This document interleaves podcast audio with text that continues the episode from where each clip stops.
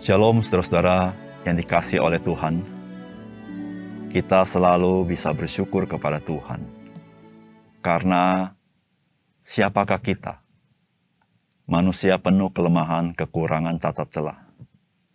Namun Tuhan ingin kita menyatakan kemuliaan Tuhan dalam hidup kita.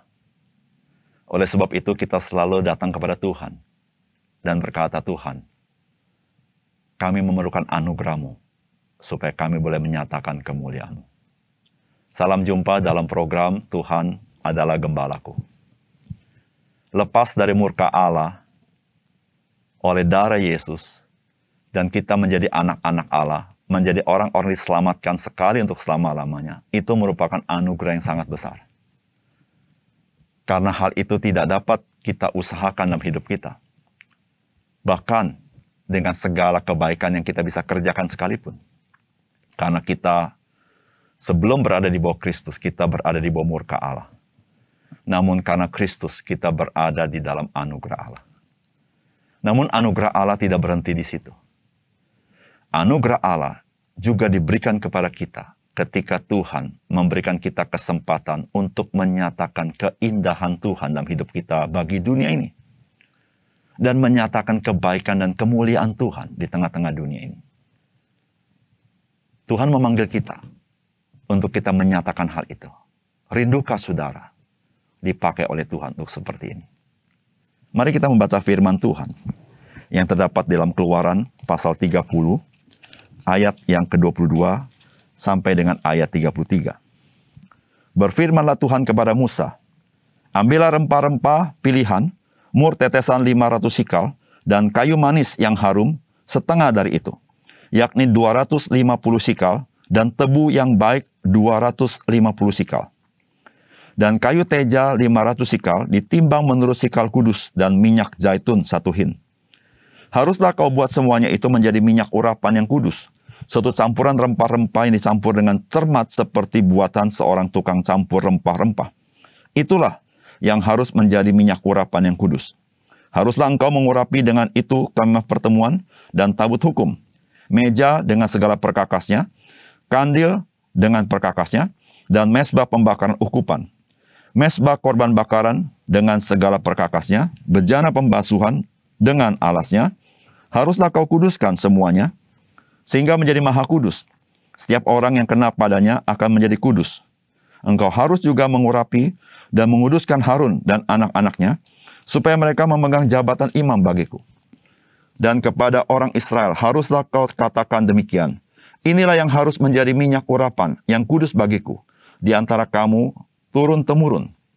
Kepada badan orang biasa, janganlah minyak itu dicurahkan, dan janganlah kau buat minyak yang semacam itu, dengan memakai campuran itu juga.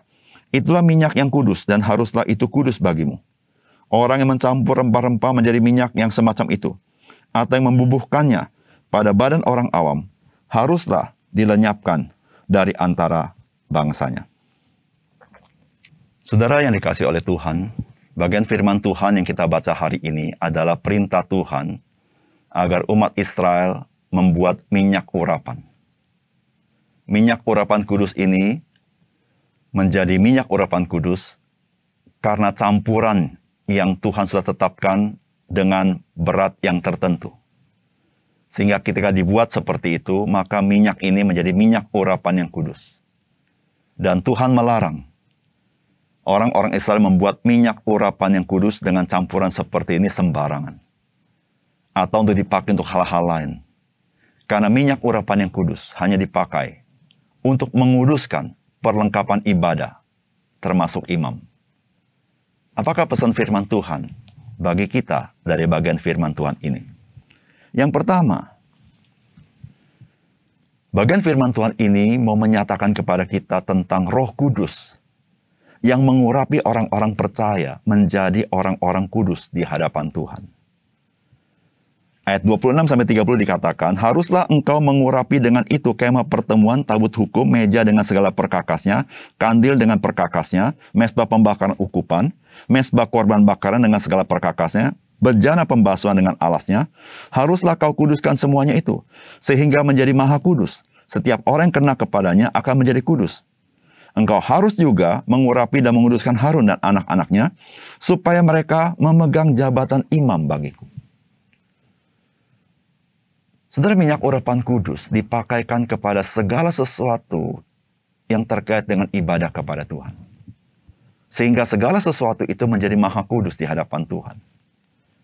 Karena memang Tuhan adalah kudus. Maka segala sesuatu yang dikaitkan beribadah kepada Tuhan harus dikuduskan. Maka Tuhan tetapkan semuanya itu harus diurapi oleh minyak urapan yang kudus.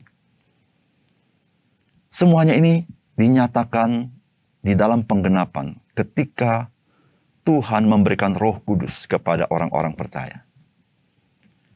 Sehingga melalui roh kudus, orang-orang percaya dikuduskan. Di mana orang-orang percaya menjadi bait roh kudus. Sehingga kehidupan orang percaya merupakan ibadah kepada Tuhan. Ibadah yang kudus, yaitu persembahan tubuh yang hidup, yang kudus, dan yang berkenan kepada Allah. Roh Kudus yang tinggal di dalam kita merupakan roh yang menghidupkan kita roh yang menyucikan kita. Sehingga kita dimampukan boleh mempersembahkan hidup kita kepada Tuhan. Oleh karena itu, minyak urapan kudus tidak boleh dipakaikan sembarangan. Karena memang Allah hanya memberikan roh kudus kepada orang-orang yang mengenal Yesus Kristus. Yang mengasihi Yesus Kristus. Tidak kepada semua orang. Namun setiap orang percaya mendapat bagian dari Roh Kudus. Supaya setiap orang percaya hidupnya menjadi ibadah yang menyenangkan hati Tuhan. Karena orang percaya adalah orang-orang yang sudah dikuduskan oleh Tuhan. Betapa indah anugerah Tuhan ini bagi kita.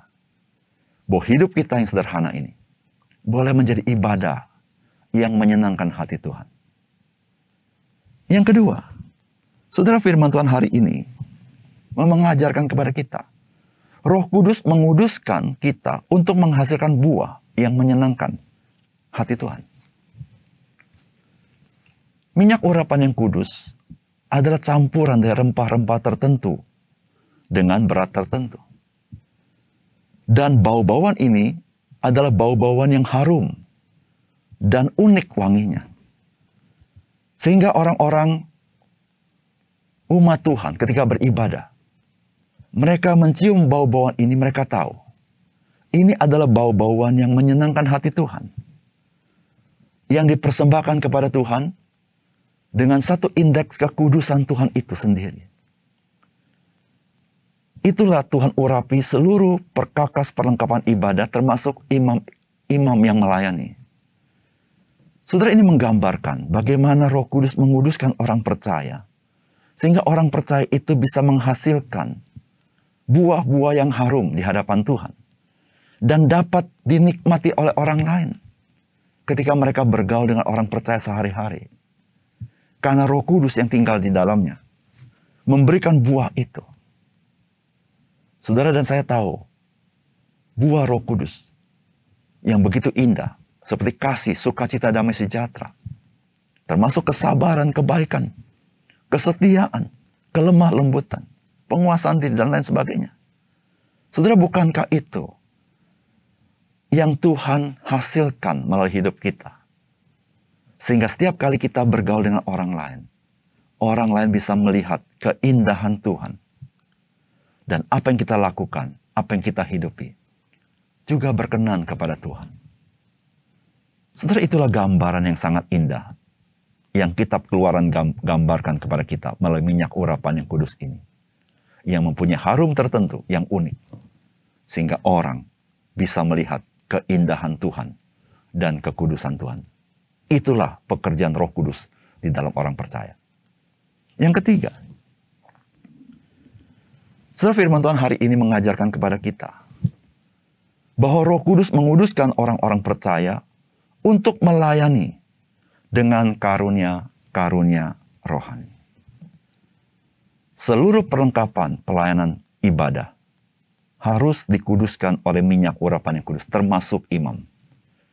Artinya, minyak urapan kudus itu memperlengkapi supaya bisa melayani Tuhan. Saudara, itulah kenyataan Roh Kudus yang memenuhi orang percaya, memberikan karunia-karunia rohani kepada orang percaya, sehingga orang percaya boleh melayani Tuhan yang kudus dengan kekudusan, dengan karunia rohani, sehingga karunia rohani itu bisa membangun tubuh Kristus. Setiap orang Kristen pasti mendapat karunia rohani karena setiap orang Kristen menerima Roh Kudus. Pertanyaannya adalah kita yang sudah diurapi oleh Roh Kudus dan menerima karunia rohani itu, apakah kita mau dipakai sebagai ibadah kepada Tuhan, sebagai pelayanan kita kepada Tuhan?